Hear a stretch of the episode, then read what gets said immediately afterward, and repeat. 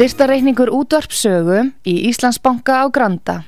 Útubú 513, höfubók 26, reikningur 2.11.11. Nánari upplýsingar á útvarpsaga.is. Takk fyrir stöðningin.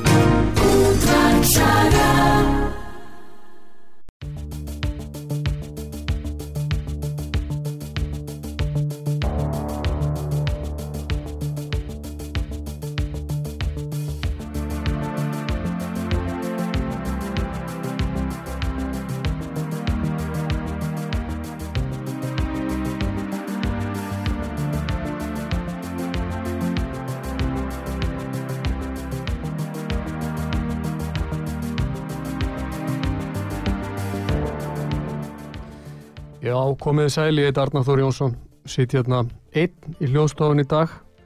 og ég ætla bara svona að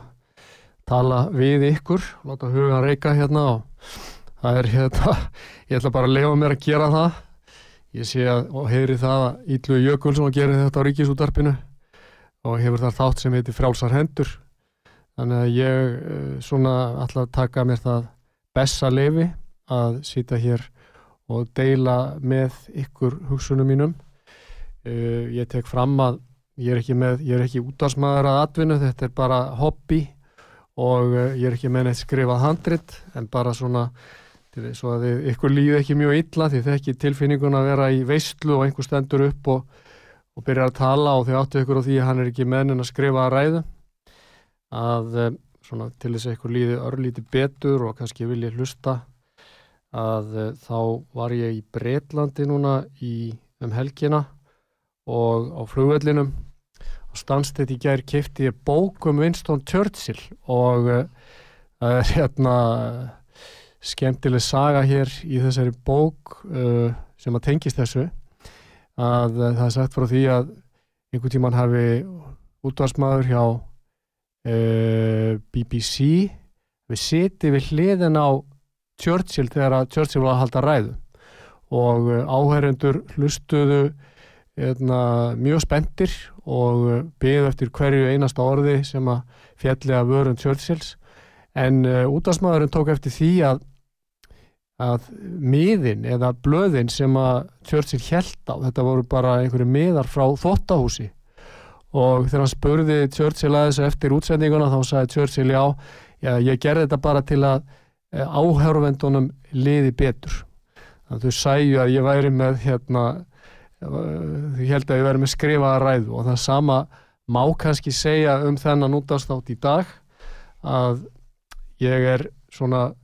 svo einhver líði betur með svona einhverja hugmyndum hvað ég ætla að tala um e, og það er tjáningafrelsið og ég ætla að spinna þráðin í kringum það. Nú uh, tilefnið kannski að því að ég gef mig tíma til að koma hérna í, og tala er, uh, má segja uh, það að ég var hér með þátt í síðustu viku þar sem að sma, Svala Magnea Ástísadóttir kom og talaði við mig. Og þar hafði ég orð á því að hugsanlega væri tilefni til þess að greinin sem að við byrtum núna fyrir slettri viku við Svala greinin sem við byrtum í morgunblæðin og þriðdægin var það væri hugsanlega tilefni til að lesa hana í útvarpinu. Þannig að ég ætla að halda því opnu hugsanlega hér í síðari hluta þáttarins vegna þess að ég tel að þessi grein eigi uh, brínt erindi, jáfnveil þótt fólk skiljanlega gefið sér lítinn tíma til að lesa veist, grein sem að dekkar næstu þrjá fjóruða blaðsuð í morgunblæðinu Uh, en ég tel, ég tel reyndar líka að uh, byrting þessar greinar og síðan svo umræða sem að fóra stað á, á andlitsritinu, fjesbók, að við dreyið fram ákveðina, hvað ég maður að segja, ákveðin enkenni í eh, umræðu hér á landi og hugsanlega erlendis. Það er að segja ef að ég og þú og getur hlustandi, ef við bergmálum ekki það sem að fjölmiðlar og sérfræðingar segja að þá er alla líkur á því að við verðum stimplu sem bóðberar falsvísinda og samsæriskenninga. Það er að segja annarkort fylgiru henni ofinböru línu eða þú ert uh, stimplaði sem kjáni og, og útrópaður og, og, hérna, og kannski eitthvað þaðan að vera. En uh, nú er það bara þannig og við getum vonandi verið sammálum það að sko, stöðuleiki í stjórnmálum uh, pólitísku sko, stöðuleiki hann grundvallast í raun á því að, að til staðar sé frjáls uh, umræða og að tjáningafrælsi sé virt. Því að þetta er leið uh, líðræði, líðræðisríkjana hérna frjálsu vestrænu líðræðisríkja til þess að komi vekk fyrir að þjóðlífið leysist upp í öskur og, og ofbeldi og valdbeitingu. Það er að segja að við leysum ágreiningin með samtali en ekki með þöggun og ekki með því að útýsa eða, eða fangjelsa eða berja fólk og uh, þetta er algjör hérna, grunnur þá að bara líðræði og frjálsu samfélag. Ég vona að við getum verið sammálum þetta og ef við viljum búa við einhvers konar pólitískan stöðuleika þá verðum við að, að eh, verja tjáningafræðsi en auðvitað er það þannig að við, við eh, stöndum frammi fyrir ákveðnum ógnum þegar að kemur að tjáningafrælsinu nú á tímum og eh, við þurfum að vera sannilega frekar blind og nánast hirtnalust til þess að átt okkur ekki á því að, á því að það rannast upp við sjóndeldarhingin uh, óveðurski uh, þegar kemur að tjáningafrelsinu og því sem við höfum kallað bara svona klassíst borgarlegt frelsi. Því að það er víða í heiminum vegið að þessu og víða uh, bæði afhálfuð ofnbæri yfirvalda og síðan stórfyrirtækja reynd að standi vegi fyrir því að sjónamið sem fara þá í báa við það sem að sérfræði veldið og hugsanlega þá hefur ofnbæra segir á þeim tíma að slík sjónamið komist að. Þannig að, og nú stendur yfir mikil umræða um það hvort að Elon Musk næra að kaupa Twitter og Musk hefur að mér sínist sjálfur haft á orði að hann vilji kaupa Twitter til þess að opna fyrir umræðu sem að kalla mætti e, gagrína og frjálsa. Uh, en eins og við rættum við svala í síðustu viku að þá er það hins vegar áherslu mál hjá þeim sem vilja stýra umræðinni að rétta fólkið fái að eiga hljóðnefana og þar að leiðandi virða, virðast þau vilja standa í vegi fyrir því að, að menni svo Elon Musk og fleiri eigi aðgengi, frjálst aðgengi að hljóðnefnanum og þess vegna bara segi ég hérna, við sjálfa mig að fyrst að mér býðst uh, hljóðnefni að þá ætlum ég að nota hann. Og uh, það getur vel verið að fólk segi þú átt ekki að vera að eyða þínum tíma í þetta, þú átt bara að sinna þínu lögfræði og, og eitthvað svona en ég hugsaði með sjálfu mér að það er bara sem sagt, ég get ekki gengið sömu leið og, og allir aðrir og það, ég verða að fara mína eigin leið og alveg eins og þú, góður hlustandi, þú ert einstakur einstök perla í mannlífunu og þú ætti að láta ljóst þitt skína og þú ætti að fara þína leið, þína götu því að það getur enginn gengið sömu götu og þú. Hinn leiðin, ef við viljum raunveruleg ekki vera einstaklingar, ef við viljum ekki láta rödd okkar heyrast, þá höfum við þetta val um að hefða okkur eins og söðkindur og við verum búið hálendið inn á Íslandi þá sjáum við hér út um allt kindagötunar sem að eh, blessar söðkindunar hafa þrammað hér í þúsund ár. Uh, ég held að slíkt sé nú ekki sæmandi sko vitibornu fólki og við hljótum að gera þeir kröfur til okkar sjálfra að við látum ljósa okkar skína og við látum rödd okkar heyrast uh, því þetta er eins og ég sagði aðan, þetta er grunnurinn að því að búa í frjálsum samfélagi. Og þetta er grunnurinn að lýraðinu og, og því að tempra hérna ofinböru valdbeitingu. Og ég hérna hefur verið að glugga þess í Dante síðustu vikurnar og mér hafa áskotnast hérna tvær bækur eftir Dante. Það er að segja gleðileikurinn annars vegar og víti hins vegar. Dante er eh, sennilega mesti rítöfundur já allavega mest í réttöfundur ítala og hugsanlega mest í réttöfundur miðalda þó að við Íslendingar eigum sannlega okkar fulltrúa sem bundi gera tilkall til þess að vera ofalega á þeim lista. Að uh, Dante fjallar í þessum bókum sínum um hinn frjálsa vilja mannsins og leggur áherslu á það að uh, okkur sé gefið frjálsvilji og hans síðan afmarki uh, leið okkur gegnum lífið. Við getum á grundvelli hins frjálsa vilja skapa okkar eigin helvíti en við getum líka skapað okkur uh, paradís. Þannig að valið er okkar og Dante segir einhvers staðar, hann segir farðu þína eigin leið, þetta er nú fræg tilvittnun eftir Dante, farðu þína eigin leið og leiðuðu fólkin að tala og ég var að segja sónum mínum frá þessum daginn og þeir spurðu mig hvað á hann við með þessu og ég sko get ekki svarað þessu öðru en vísum þannig að, að Dante, ég spurði það á móti hvað allir við þekkjum nöfn margra, mið, margra hérna ítala sem voru fættir eða e, voru upp á 14. og við þekkjum Dante og kannski einhverja örfá í viðbót en það sem er svo sláandi við þetta er að Dante, honum er bara alveg sama hvað, hvað öðrum finnst honum er bara alveg nákvæmlega sama. Hann segir bara farðu þína eigin leið og leiðu fólkin að tala. En í þessu meðvirka þjóðfélagi okkar hérna á Íslandi þar sem að eins og ég sagði áðan er kannski bara ein leið ein sín nálgun og uh, við viljum uh, vera inn í hópnum og því að við finnum til einhvers öryggis þar að uh, þá eru sorglega fáir sem að fara sína eigin leið. Og svona líka umhugsunarefni að því að ég var nú þarna í Lundunum um helgina að það er svolítið sláandi þegar maður fer, eh, maður fer þarna upp að Vestminster Abbi, margir íslendingar hafa komið á, á þennan stað. Maður kemur þarna að Þinghúsinu og Beg Ben og Vestminster Abbi og,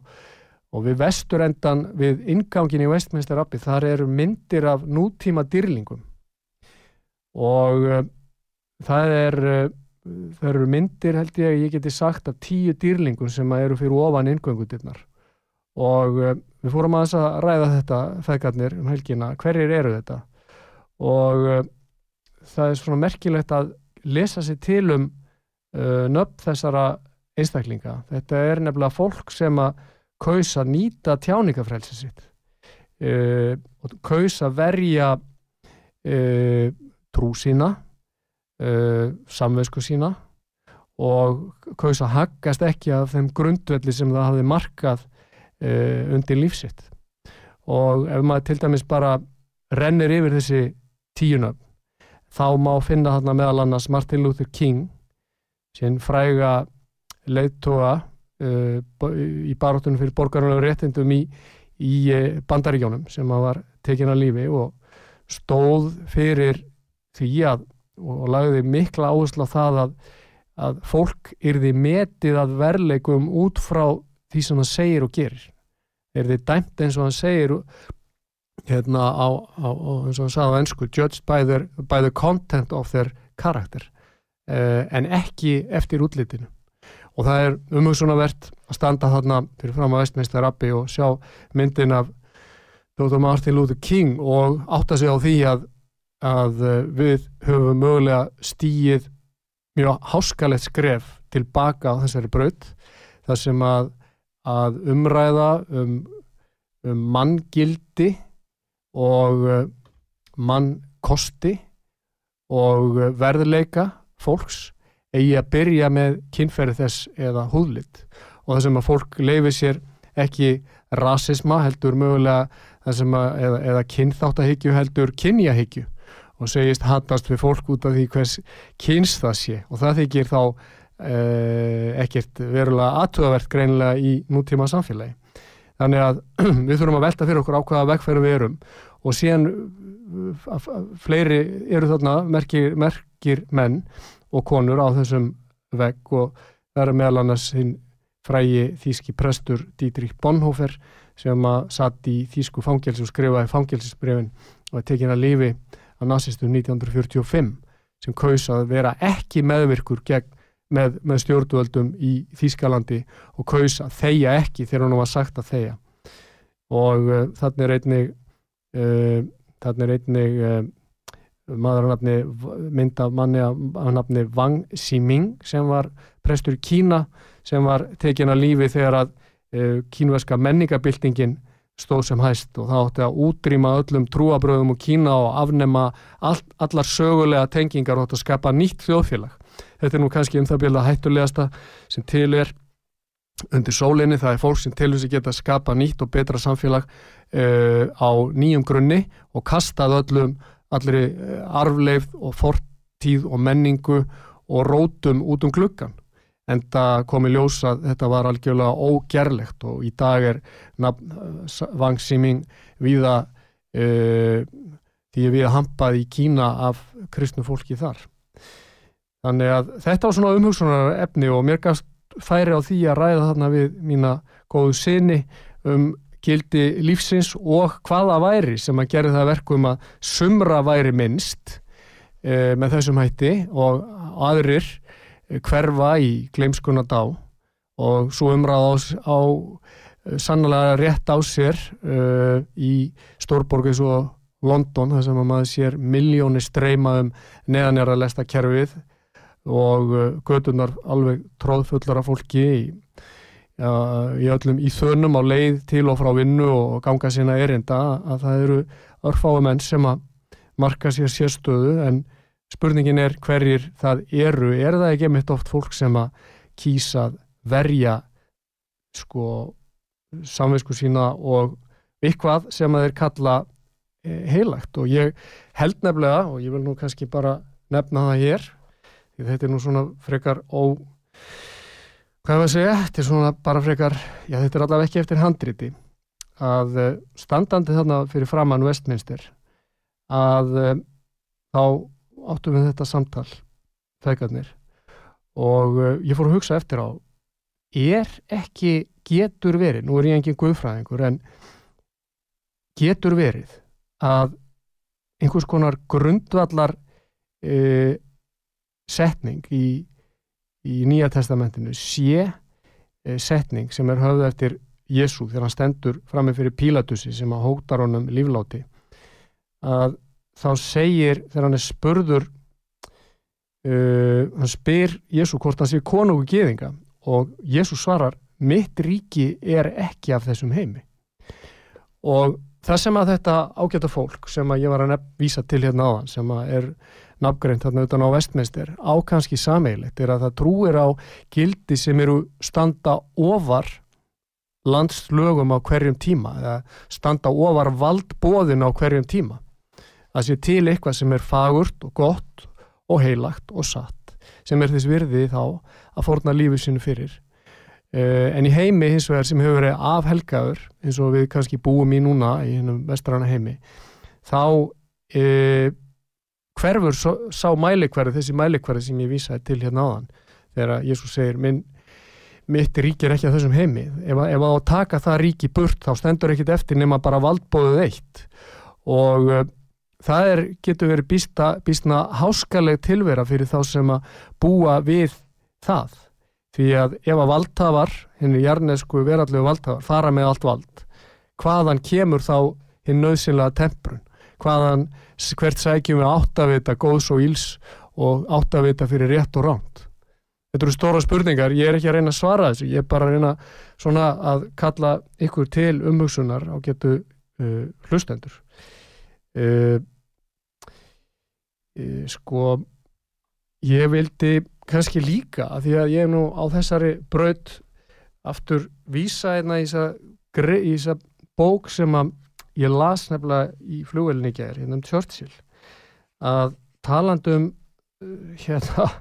talandum hva, og hvaða braut við erum þá sagði Churchill á nú fyndin sko, hann sagði hérna um uh, uh, mann sem hétt Stafford Cripps og var ráþerra um tíma í,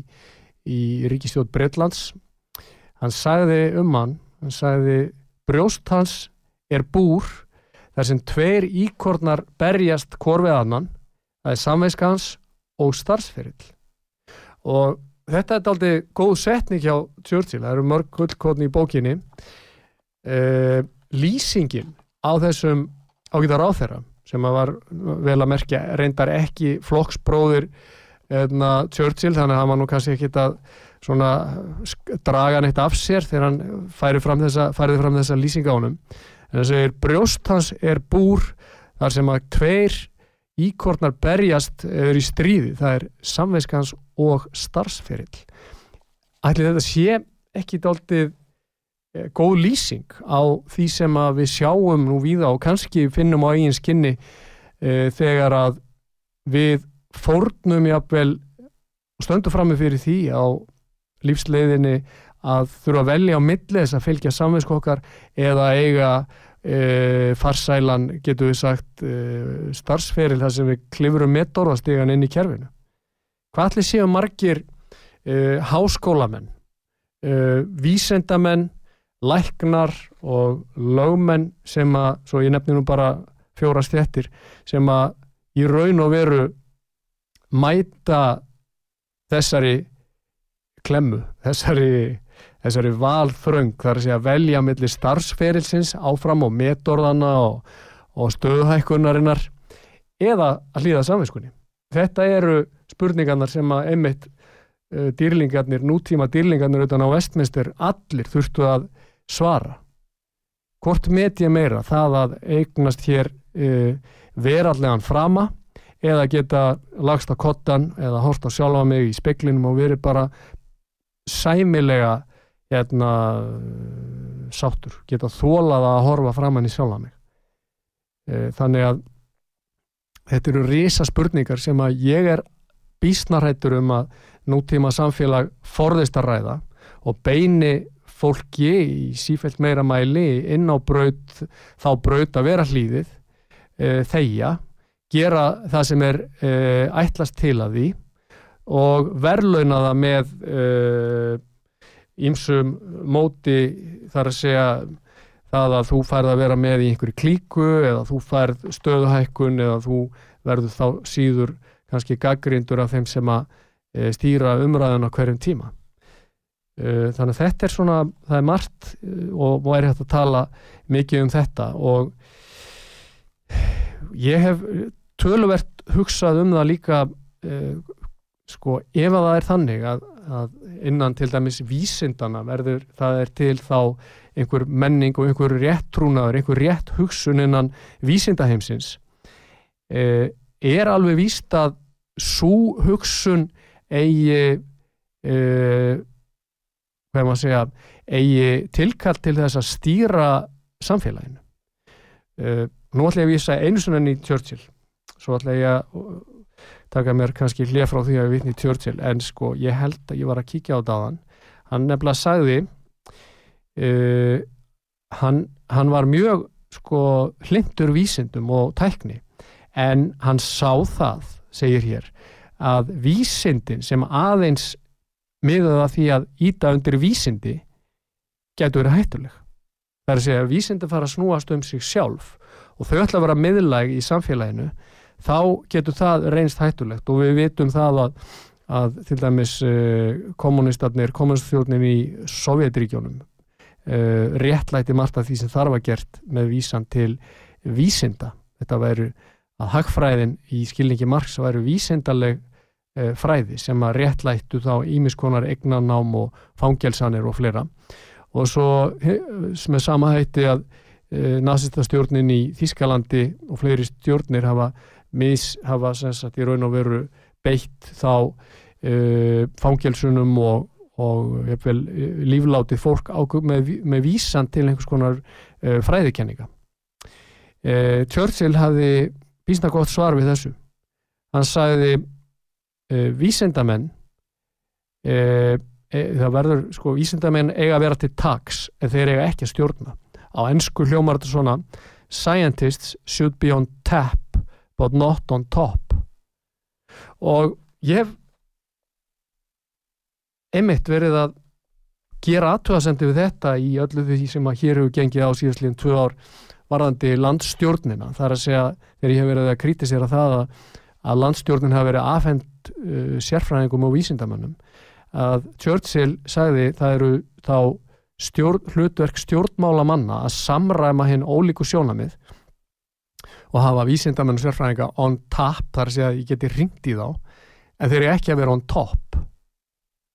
Og það er náttúrulega augljóst hvers vegna þetta er. Ég meina þetta er auðvitað við veljum fólk til ábyrðastarfa í frjálsum og líðræðislegum kostningum og við viljum þá þegar að við teljum að viðkomandi hafi í, í einhverjum skilningi bröðist trösti að viðkomandi sæti ábyrð ég eh, vil kannski líka áður en ég fer nánar út í tjáningafrælsið að eh, kannski segja, segja það hér að, að eh, ef maður gengur um uh, London að þá sér maður ímislegt sem að svona vekur hjá manni umhugsun. Og eitt af því er fræga hotn í Hyde Park sem heitir Speaker's Corner. Og ég fór þangað og þar eru merkilegar sagt, myndir af fólki sem hefur, sem hefur hérna, lagt sér fram um að verja tjáningafrelsið en það er merkileg hefð þarna líka í Hyde Park að, að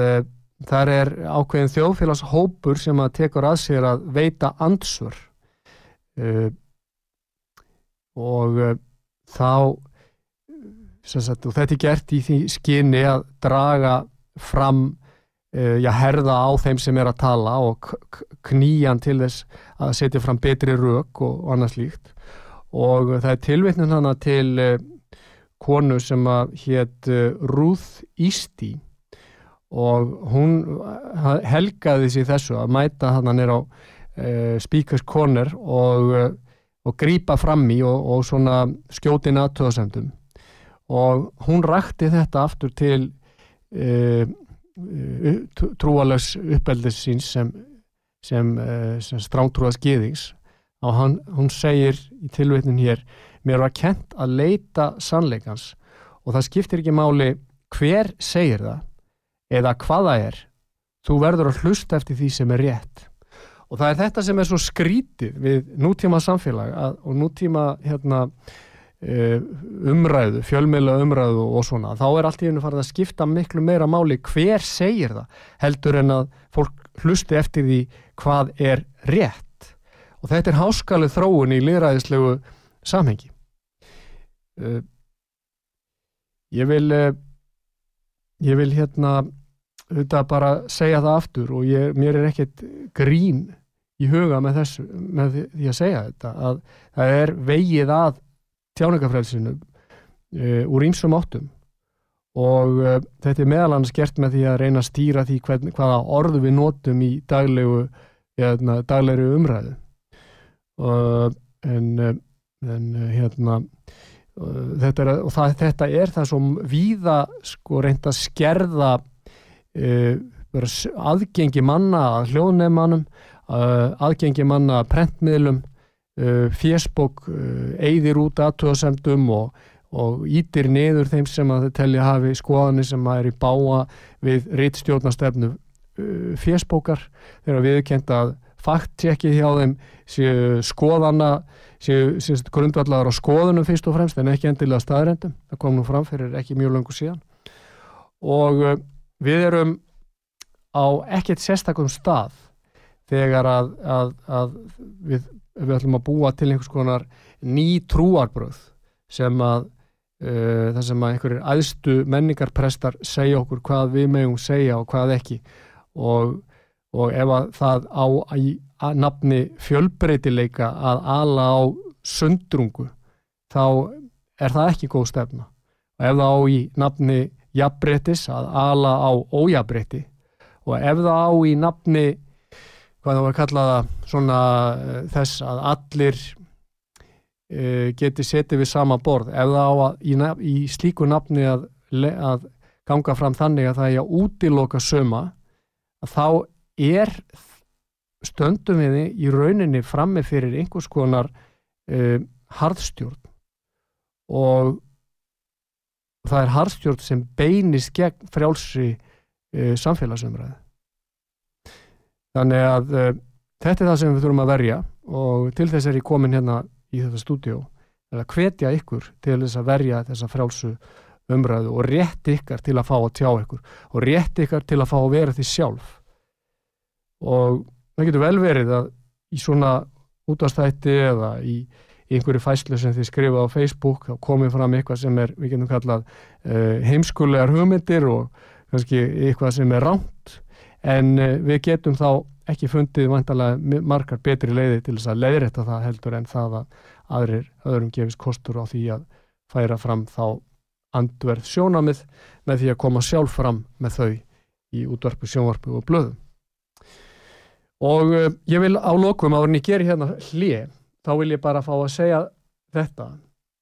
og minna á það, því að, að sko tjáningafrelsið ver nefnilega ekki e, sko neina, ver engan betur en þá sem að í raun og veru standa höllust um fæti í samfélaginu.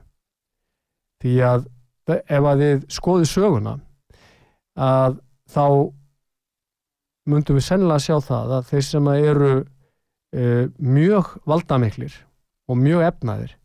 þeir hafa aldrei þurft að sæta þökkun eða sæta því að tjáningafrelsið er að sé heft. Það eru þeir sem eru undirokaðir og þeir sem að, eins og ég segi, standa höllustum fæti sem að uh, eru, geta sótt mesta vernd til uh, frjálsar umræðu að það er að segja að þeim gefist kostur á því að koma einmitt sínum sjónamöðum að. Og það er það sem líðræði gengur út á að öll sjónamið komist að, við skulum ekki gleyma því. Og líðræði gengur, er ekki meiri hluta ræði í þeim skilningi að það miða því að, að stíga ofan á minni hlutan heldur einmitt með, þing, með því að starfa ekki að þing. Þá gefist fólki kostur að koma þar upp í púltið og gera grein fyrir alls konar sjóna með fólks úr sínu kjördæmi og sinna kjósenda. Þannig að nú ætla ég að gera stuð hlið og svo held ég áfram eftir auðlýsingarnar.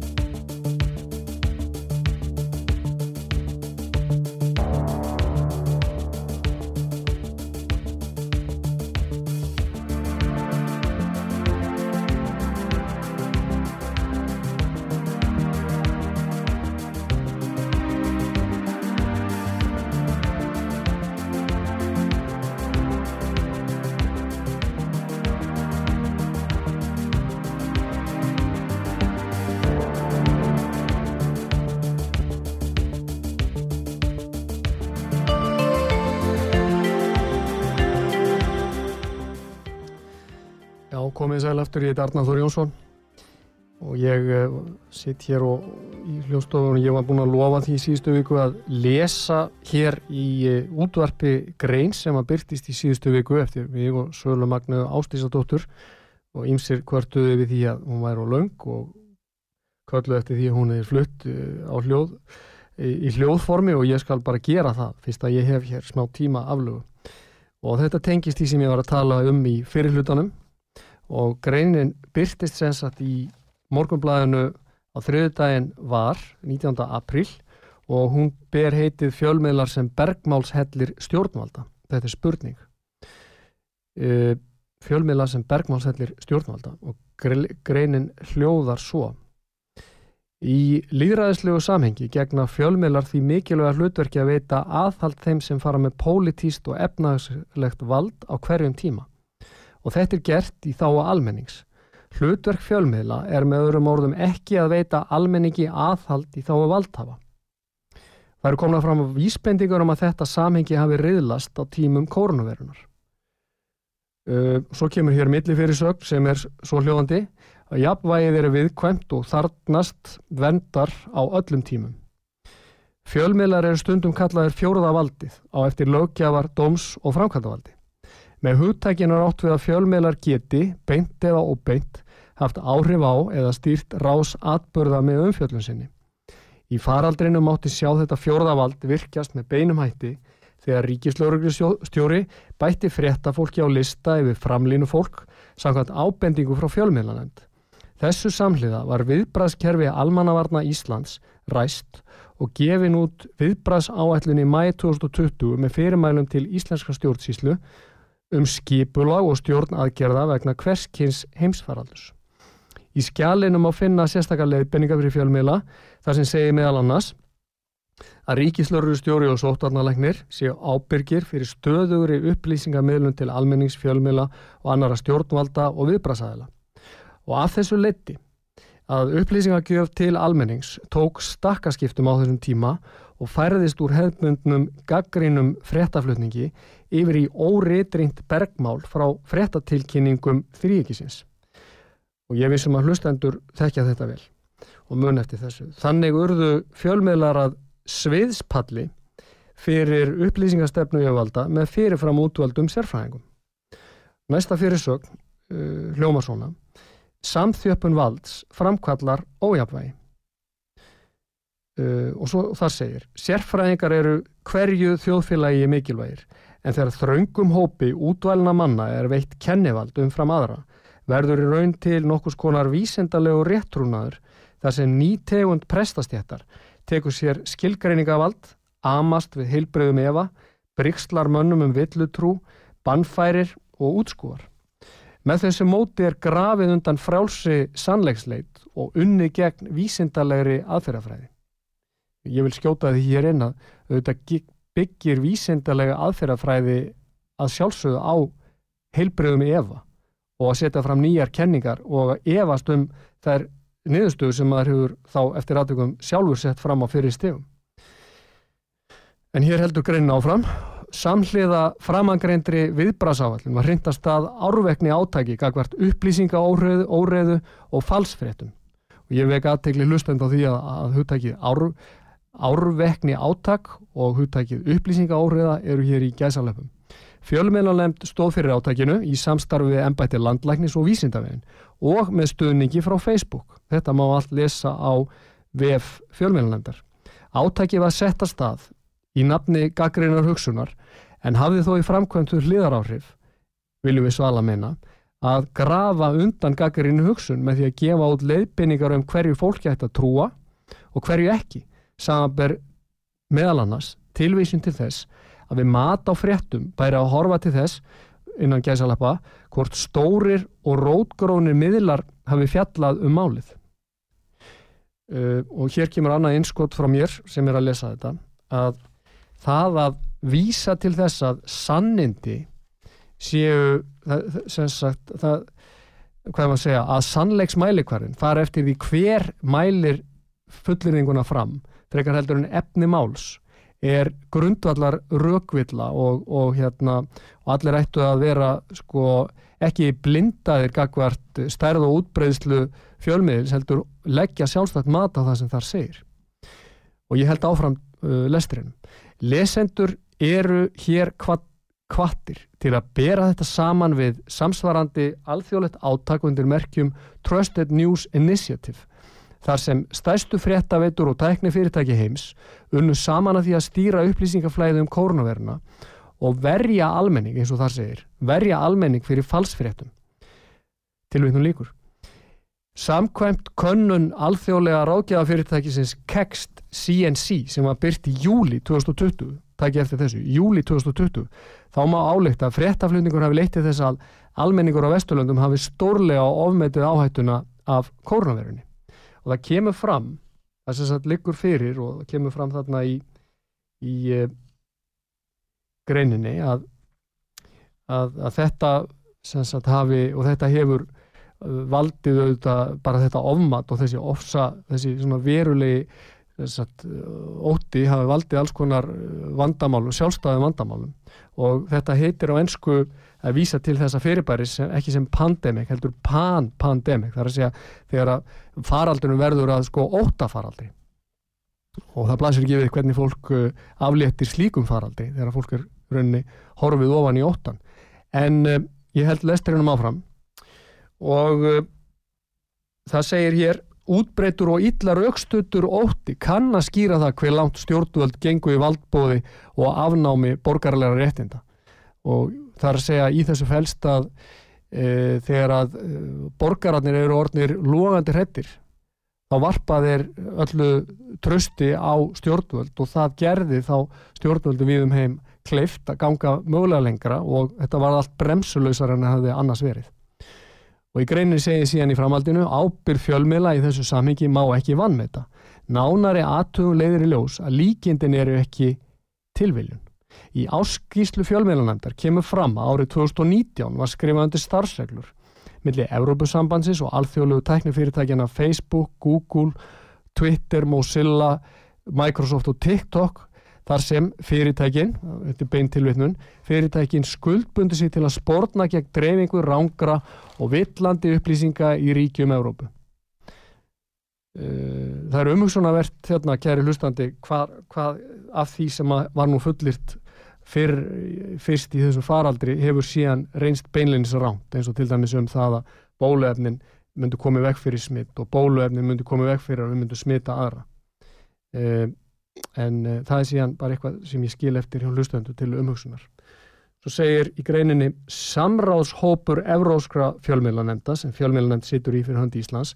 átti síðan að fylgjast með því hvort farið væri eftir reglunum. Með samstiltu átæki fjölmiðlanemndar og samráðshópsins ásand aðstóð menta og menningamálur áðanetins og utarrikiðsáðanetins var stórfyrirtækjum gert,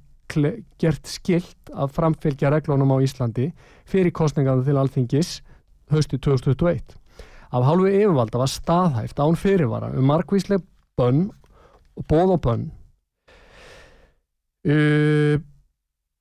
uh, sem sögð voru vísindaleg og því óumdeilanleg. Hversu klikkað er það? Þetta var vísindalegt og þess vegna óumdeilanlegt. Hvaða vísindi er óumdeilanleg? En þannig var þetta sett fram. Þetta voru bóð og bönn sem voru sögð gagleg, góð og heilsusamleg og allt var þetta sett fram í nafni líðheilsu. Þegar þetta er ritað. Og þetta er sagt, þá hefur komið ljósa margar þessari fullinga voru misvísind og rángar auk þess sem þær báru enkenni áróðus og það likur fyrir, þetta er aftur einskótt frá mér það likur til dæmis fyrir í Breitlandi það er bara viðkjent að stjórnvöld fóru í sálfræði hernað gegn, uh, bandaris, gegn bresku þjóðinni það sem að þeim var í rauninni það var haldið að þeim uh, áróðri það sem að ítt var undir óttan en í greinin segja síðan áfram sem dæmi var ekki greint frá fyrirhugum bólusetningum barna gegn koronavirinu með spurningunni hvort heldur hvenar þrátt fyrir að þá þegar væri ljóst að bóluefnin hafði í bestafalli takmarkaða virkni og í vestafalli skadalega áhrif vegna aukaverkana. Og þessi framsetning miðaði að því að drepa niður málefnarlega rökgræðu því ef hann var sjálfs, sjaldan mætt með öðru en háði. Orðræðan í fréttaflutningi var sömulegis snemma fullmótuð og einhliða með vísan til kennivalds og útbreyðslu tiltekina skoðana e, eða vís, með vísan til útbreyðslu fjölmiðilsjafvel þá þá voru önnur sjónamið kæfð og í anda áróðusmanna fyrir tíðar voru evasendir um hérna ofinberu stefnumörkun stimplaðar sem samsæriskenningar og heilbriður evi sem er grundvöllurinn að öllu vísendastarfi og grundvöllurinn bara að sko, uh, frjálsri umræðu að hann var bæltu niður og andmæli voru hætt sem merkjum fávisku þekkingarleysi og jöfnvel vænisíki. Svo kemur milli fyrirsokn hérna sem að þessi stendur handhafar sannleikans. Þetta er aftur í spurnaformi. Framangreind atbörðurás vekur áleitna spurningar um hlutverk og skildu stjórnvalda. Er ekkert við það aðtöða að fjölmiðlanett sem eftirliðstofnun gangi til náins samstars við þau stjórnvald sem fara með stefnumörkun á hverjum tíma, valdamestu innlenda sérfræðinga og mikilvægastu ráðgjafa stjórnvalda með stuðningi Erlends stórfyrirtækis sem jafnframt er áhrifaríkasti samfélagsmiðil samtímas. Er ekkert aðtúavert við það að slíku samstarfi sé reynd beint gegn gaggrínu hugsun og frjálsri umræðu með því að útnefna tilnefna tiltegna sérfræðinga sem handhafa sannleikans. Má undir merkjum líðræðis og tjáningafrelsis setja á fót stigskipt valdakerfi og upplýsingakerfi sem útilokar gaggrína orðræðu. Má undir merkjum líðræðis og tjáningafrelsis útiloka sérfræðálit sem teljast verið á skjön við hennu opberu línu sem stjórnvöld hafa áður markað. Breytast svörin við þessum spurningum þegar í ljós kemur að marta því sem í áttakinu var sett fram sem óumdílanleg sannendi hefur reynst misvísandi eða ránt. Getur með öðrum orðum hugsast að með tilkomin nýra gagna verði niðurstaðan svo að framagreint árveknis áttak hafi reynd vegið að tjáningafrælsinu og grafið undan lýraðislegu stjórnafæri. Þegar vandi stæðjar að, ber stjórnvöldum að svara því í hverju vandin fælst og að hverju mann beinist. Og það var alveg ljóst, þetta er einskótt frá mér, það var náttúrulega alveg ljóst, bara mjög snemma í þessu, þessum faraldri að uh, aldrað fólk og veikt var í miklu meiri hættu gafur koronavirun heldur og ungt og hraust fólk. Þetta var til dæmis kemur fram í skýslu CTC í september 2020 þannig að þetta eru skildu stjórnvaldar sem svaraði í hverju felstvandin að hverju beinistan og síðan þurfa stjórnvöld að gæta meðalhóks og sjá til þess að varnir gegn einum vanda skap ekki enn meiri vanda annar staðar. Áhættumati þarf að vera raunsætt, byggjast á staðarindum og sæta stöður í endurskoðun.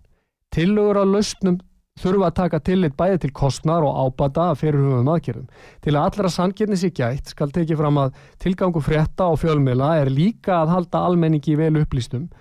þegar hættu ástand er sannarlega fyrir hendi. En í því ljósi má þó öllum vera ljóst að öryggiskröfur hljóta að teljast mjög veiktar þegar ofinbæra stopnarnir á bakvið ríkisútvarpið, Háskóla Íslands, fjölmjölanend og fleiri saminast í átæki sem meðra því að hveða niður gaggrín á það sem stjórnvöld gera að okkar mati urðu vatnaskil þegar blada og fréttamönu var bætta á lista almannavernanemdar með almannavarnadeildar yfir starfsfólk í framlínustörfum og auðlaðist þar með vissan forgang að samfélagslegri þjónustu umfram aðra borgarlandsins. Fjölmiðlanömmum var snúið frá því að veita stjórnvöldum aðhald og þeir gerðir að samherjum almannavernadeildar, ríkislörlustjóra, landlæknis og sótvarnalæknis. Fjórðavaldið sem gaggrinandi afl aðhalds var í reynd tekið úr sambandi. Og síðasta fyrirsögnin í greininni, hún, hún er svona lærdómar til framtíðar. Og svo segir, í ljósi framaritas þarf að higgja að því hvernig fjölmiðlar og ofnbjörra stopnarnir hafa rægt hlutverksitt í því samengi sem hér um ræðir. Vonandi verður niðurstaðan ekki svo að þeir menn og þær stopnarnir sem sérstaklega rætla að standa vörðum líðræð og málfrelsi hafi framkvæmt höggvið þessar grunnstóðir borgarlegs frelsis. Þegar hort er til eignarhalds stæstu fjölmiðla heims og eigna tengsla við stæstu livja framlegendur blasir við að sérstakrar aðgæslu og aðhaldsef þörf hjá ríkis fjölmiðlum og ofinbjörnum eftirlitstofnunum. Og því hérna kemur einskot frá mér að það er svo hættulegt og háskalegt og sagan segir okkur það að þegar að kennivaldið og hið ofinbjörna vald ganga í einasæng að þá er stafar ofbóðsleg hætta að uh, hinnum almennu borgurum uh, í, það segir síðan hérna í kórun og veiru faraldrinum þá verðast þessi mörk hafa mást út og háskalögu samrunni ofinberðsvalds við alþjóðlega stórfyrirtæki hafi leitt líðræðis ógn yfir almenning í formi hræðslu áróðus sem miðaða því að samræma hegðun og þakka niður í evasemdaröndum. Þegar hortir yfir atbörður á síðastliðina tvekja ára byrtist grav alvarleg mynd sem í raun má kenna við líðræðis hrun. Góðu lustendur, það er vika síðan að uh, þetta byrtist á prenti í morgunblæðinu. Það segir hérna á prenti, þegar þetta, þegar hortir yfir atbörður á síðastliðina tveggja ára, blasir við grav alvarleg mynd sem í raun má kenna við líðræðis hrun. Það er engin fjölmiðl tekið þessa setningu upp. Þetta er, þetta er hérna, ég er nú alltaf verið að vanda mig við hérna það sem ég er að skrifa í blöðin. Og ég vel orð mín uh, mjög umgjafilega eins og svala líka vafalust en þegar að uh, þetta er skrifað að þá er mér fúlast alvara með þetta þegar ég segi líðræðisum vegna þess að það segir í greinni þingraði var í reynd afnumið þessu getur engin mótmælt. Og ofinbært allt afhengt sérfræðingum í allt og ríkumæli þessu getur engin mótmælt án viðunandi valdtemprunar og aðhalds. Þessu getur engin mótmælt. Og engin fjölmiðil treysti sér til þess að gera þetta að einhverju umræðefni hérna á húnum almenna vettvangi heldur kjósa í rauninni að þaga um þetta og vona bara að fólk gleymi þessu og, og horfi ykkurt annað. En ég vil rosa morgunblæðinu fyrir að byrta greinina og ég vil rosa sérstaklega og þakka eh, Davíð Ottsinni fyrir, fyrir hans framlag til þessar umræðu og reyndar Kolbrúnu Bergþórstóttur sem hefur staðið sér sömu leiðis eins og hetja. En uh, greinin okkar svölu endar á þessum orðum það er nöðsynlegt er að við sem samfélag drögum lærdóm af þessari reynslu þannig að aldrei aftur verði borgaralegu frels, borgaralegt frelsi skert jafn alvarlega af öðru eins tilhörni. Og þetta eru orð sem eru hefði maður haldið, haldið þung í, í þínu stóra samhengi en fjölmeilar kjósa að, að uh, líta fram hjá og tala ekki um. Á sama tíma hins vegar að því við erum að tala um það að, að uh, hérna í þessum loka orðum okkar að við sem samfélag draugum lærdom að þessar reynslu þannig að aldrei aftur verið borgarlegt frelsi skert jafn alvarlega af öðru eins tilefni þá liggur það nú reyndar fyrir og morgunblæði er aftur eini fjölmiðli sínist mér sem talar um þetta að, að sem sagt uh, Shanghai í Kína hefur í raun og veru verið lokað síðan 28. mars það er í dag þegar þetta er lesið þá er 27. april og Shanghai er íbúið Shanghai þar sem búa 26 miljónir manna eru í stofangilsi og þeir hérna, hafa, þeim hefur ekki verið leift að yfirgefa heimili sín og af hverju var þá þessu uh, útgöngubanni smelt á uh, okkur var því skellt á uh, íbúa borgarinnar, jú það vegna þess að þennan dag 2008. mars þá fundust 20, 425 mild tilfelli koronavirunar og við svala, ef við verum að segja bara segja þetta einu sinni enn. Það er nöðsynlegt að við sem samfélag draugum lærdom að þessar reynslu þannig að aldrei aftur verði borgarlegt frelsi skert jafn alvarlega af öðru eins tilhemni réttlæta 425 mild koronaviru tilfelli það að 26 miljónir manna séu settir í stofangilsi það sem er að gerast í Shanghai bara fyrir þá sem að vilja fræðast um það er svo grav alvarlegt að það ætti að vera fréttaefnum um allan heim. Eh, þetta er, þau hefur verið þannig að þau hefur ekki haft aðgengi að mat, ekki haft aðgengi að livjum, þeir hefur ekki geta farið að hérna, hugsa um aldraða uh, ættingja sem að búa einir og það sem kynveð stjórnvöld hafa gert er að dreifa matvælum til sumra á meðan aðrir fá ekki neitt. Og það er til svona umhugsunar fyrir ykkur ágætu hlustendur sem að trúið á mátt hins ofinbera að ef við ætlum að afhenda ríkinu svona mikil völd, ef við viljum raunverulega ofur selja okkur valdi ríkisins þá er eins gott við áttum okkur því að einn daginn getur þetta snúið þannig að þegar verður þeirra útdeina matvælum þá fer, fari maturinn aðeins til þeirra sem hafa verið góður og hlýðnir. Skiljið ógnina sem býr hann að baki. Og hinn eru látni svelta. Hinn er sem að hafa ekki hérna, er ekki með nógu mörg stig í hinnu rafræna eftirlitskerfi stjórnvalda. Þannig að þetta er ekkit grín og uh, hér þarf bara fólk á Vesturlandum og, og, og ekki síst hér á Íslandi að fara að vakna til meðvitundar um það að samrunni valds í hvaða mynd svo sem að uh, slíku samrunni byrtist er sko mjög hættilegur ég fór í, í ljúkin úr þættinum, ég var sérst aftur á hérna, þessum nótum um London, við fórum í Tower of London ég og drenginir og uh, í fyrstu, fyrstu metrónum er verið að segja okkur frá þeim sem að byggðu uh, þennan uh, kastala, Tower of London. Og það voru, sagt, þetta voru guðrættir menn sem að uh, sem sagt gáfu fátæklingum að borða hundruðum manna að borða þarna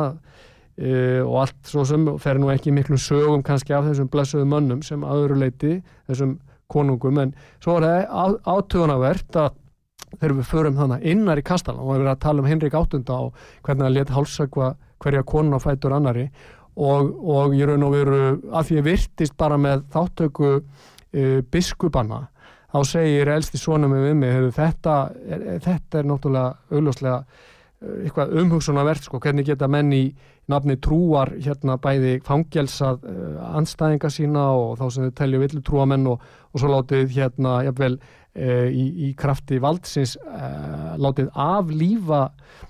konur sem þeir hafa svarið þess eigð að, að vera trúir allt í döðadags og þá fórum að ræða þetta sko. Þeirra samrunni hins verallega og trúalega valds verður Uh, verður svona fyrirvaralauðs að þá er háski fyrir fyrir, stendur háski fyrir dyrum. Og þegar að hérna við í hinnum afhelga heimi sem ég sagði áðan uh, stöndu fram fyrir því að í rauninni vísindin taka á sig hempu hins trúalega valds. Og þetta síðan rennur saman í eina seng hefur verallega og þá hefur trúalega, ég ætla bara að segja það því að vísindin nú á tímum vilja að mörguleiti skrýða sig með hérna, einhvers konar e, hvað maður segja e, helgi og gera